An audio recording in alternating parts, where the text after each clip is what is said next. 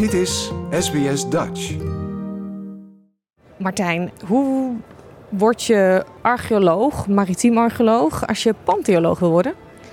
Ja, een eh, paleontoloog. Paleontoloog, je wilde fossielen opgraven. Ja, ik wilde, ik wilde altijd uh, fossielen graven. Ik was als kleinkind was ik daarmee bezig. Ging ik met, uh, met, met oudere mensen, hè, want zo zag ik dat ook meestal. Echt oudere mensen ging ik de groeven in, dan ging ik fossielen opgraven. Sommige mensen hebben dat, uh, die luisteren hebben dat waarschijnlijk ook wel gedaan. En dat wilde ik dus worden. alleen ehm, toen bleek het, als je dat ging studeren, dan moest je in Utrecht zijn bij aardwetenschappen. En dan had je wiskunde B en natuurkunde nodig. Nou, dat had ik allebei niet. En ik was ook niet zo heel goed in. Dus toen dacht ik van nou weet je wat, ik, ik ga gewoon eerst een, een, een half jaar uh, weg. En toen wilde ik bij mijn oom gaan werken. Die woonde uh, toen uh, in de buurt van Townsville. hier in Australië dus? Hier in Australië. En die had een bakkerij.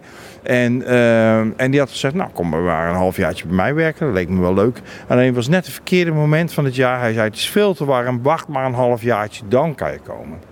En toen dacht ik, ja, wat ga ik nou in dat half jaar doen? Toen heb ik een boek geopend. Destijds is je nog boekenstudies. En toen begon ik te bladeren.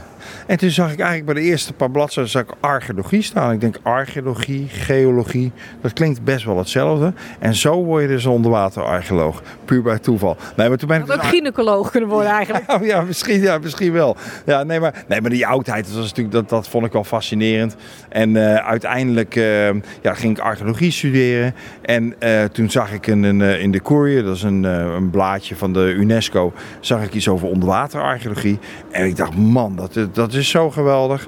Uh, ik, fantastische plaat van scheepswrakken onder water. En ik dacht, ja, dat wil ik gaan, uh, gaan doen. Dus toen ben ik in de trein gestapt naar uh, ene Thijs Maardenveld gegaan. Die was net begonnen met een duikteam. En die zei, nou ja, kom maar. Maar kan je duiken? Ik zei, nou, niet, niet echt. Hij zei, nou ja, dat is wel belangrijk, dus ga dat nou maar eerst doen. En twee jaar later, toen kreeg ik gewoon een baan. En ik ben nooit meer weggegaan. In 1990 uh, had ik mijn eerste baan. En uh, het is nu uh, 2022, dus uh, 32 jaar geleden ben ik begonnen met dit vak. Zo je onderwaterarcheoloog. Ja, en dan zie je dat plaatje en denk je, wauw, is het echt wauw? Ja, ik heb het mooiste beroep van de hele wereld. Uh, en die hele mooie blauwe plaatjes van, uh, dus met mooie, mooi, mooi zicht, dat heb je uh, in bijvoorbeeld Nederlandse wateren veel minder. Dus daar heb je soms helemaal geen zicht. Maar dat betekent wel vaak dat het, ja, dat het water modderig is, dat er veel sediment in zit. En dat dus de dingen die onder water liggen heel goed bewaard zijn. En je komt op de meest nou, rare plekken, mooie, fantastische plekken in de wereld.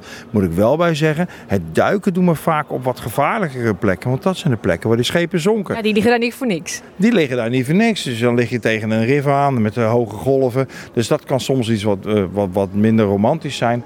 Maar in, werken in, uh, in, in, in Patagonië tegen de Antarctica aan. Dus natuurlijk, ja, wie, wie komt daar nou? Hè? En dat mag ik voor mijn beroep gaan doen. Dat is uh, fantastisch. We doen nu een project in Noordoost-Duitsland. Waar we een bronstijd battlefield, een, een slagveld aan het opgraven zijn van 1300 voor Christus.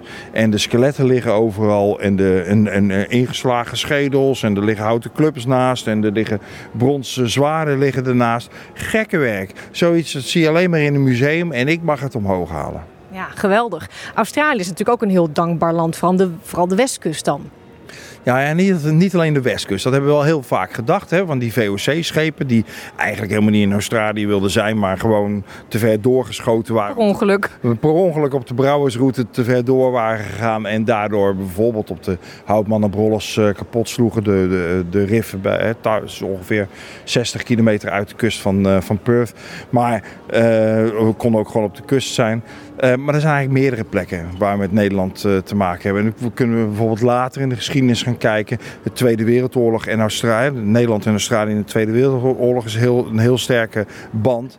Uh, na de val van Nederlands-Indië zijn heel veel Nederlanders hier naar uh, Australië toegekomen. Nou, er is de bombardement geweest van de vloot van vliegtuigen, hè, van die flying boats. Bij Broome. En bij Broome, inderdaad. Daar ga ik zo meteen ook nog naartoe.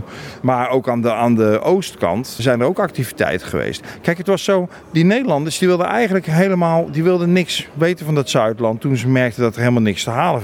Het leuk dat ontdekken, maar er moest wel, moest wel uh, brood verdiend worden. Dus zolang er niemand woonde, was het niet interessant. Maar in die 19e eeuw, toen ontstond er natuurlijk een, kolonie, hè, dus een, de, eerste strafkolonie. En vervolgens economieën uh, ontstonden er. En toen werd het weer interessant voor de Nederlanders. Dus toen kreeg je allerlei schepen die, die handel gingen drijven weer.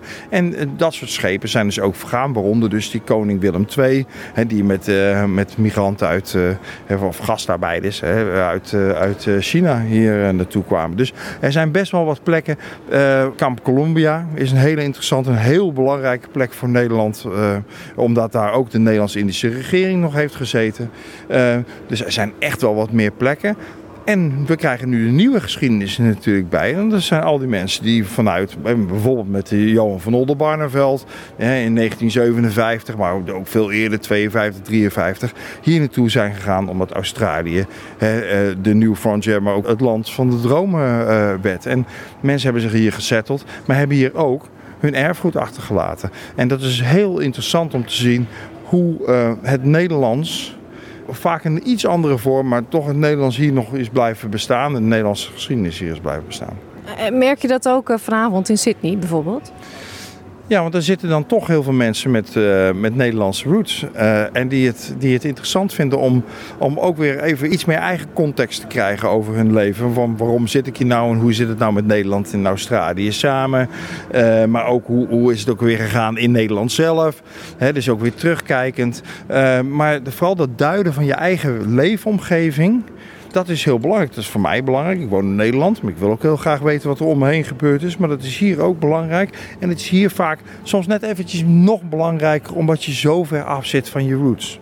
En je wil dan toch ergens weer kunnen landen. Dus vindt men het fijn als ik een verhaal vertel over uh, Nederlandse schepen en de Nederlanders hier in uh, Australië. Sinds 1990 dus in het vak. Het is misschien moeilijk kiezen, maar wat is het leukste project wat je tot nu toe gedaan hebt? Oh, dat is heel erg.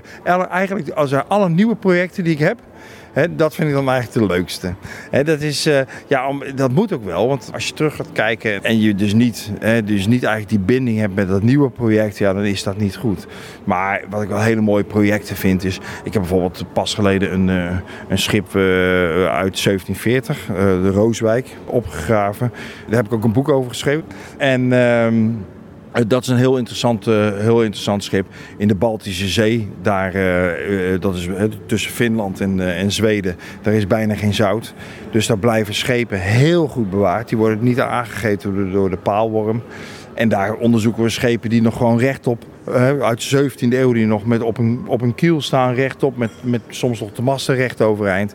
Dat is ook waanzinnig. Maar hier in Australië ja, hebben we onwijs veel interessante projecten.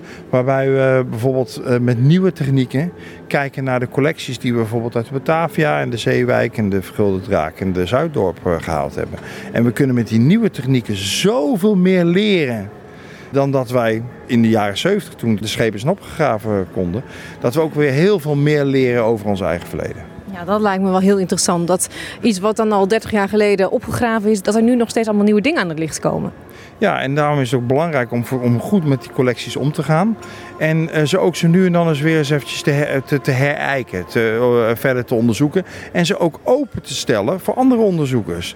Want wij, uh, je bent vaak toch op een bepaalde manier bezig, maar dan komen er weer nieuwe studenten of nieuwe onderzoekers. En die zeggen, ja, maar ik, ik heb zowel digitale archeologie gedaan als onderwaterarcheologie. En ik wil die twee dingen combineren.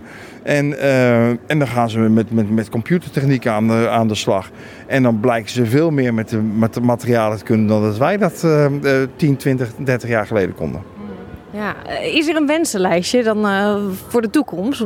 Wat je nog graag zou willen onderzoeken of welk schip je zou willen vinden? Of als je kan dromen?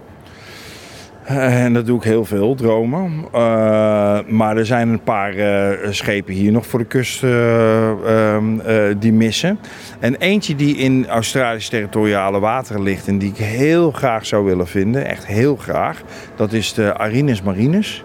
Een rare naam, maar zo heet het. In 1821, moet even uit mijn hoofd, 1821 gezonken bij Christmas Island. En dat vind ik zo'n fascinerend schip. Want hij, het was een schip dat geladen was met een collectie van Rijnwaard, Casper Rijnwaard. En uh, die heeft heel veel betekend voor de Nederlandse museumwereld. He, heel veel onderzoek gedaan ook. Tegenwoordig wordt zijn naam verleend aan, de, uh, aan een studie in de, van museologie in, uh, in, in Amsterdam. Maar die had dus een hele collectie met mineralen, met botten, opgezette dieren. Nou, daar zal niet zoveel meer van over zijn. Hè, maar, maar toch heel veel, heel veel andere dingen wel. In kratten had hij aan boord van dat schip zitten. Hij zat er zelf niet op, maar het schip zelf is vergaan. En we weten dat er uh, bijvoorbeeld uh, ook levende dieren op zaten. Nou, die zullen het ook niet overleefd hebben. Um, maar toch fascinerend om nou zoiets te vinden en dat op te kunnen gaan graven. Of in ieder geval met camera's te kunnen bekijken. Want ik ben bang dat die op, op best wel grote diepte ligt. Want uh, Christmas Island ligt, ja, dat is echt een, een berg in een hele diepe zee. Dankjewel. Geen dank. Like, deel, geef je reactie. Volg SBS Dutch op Facebook.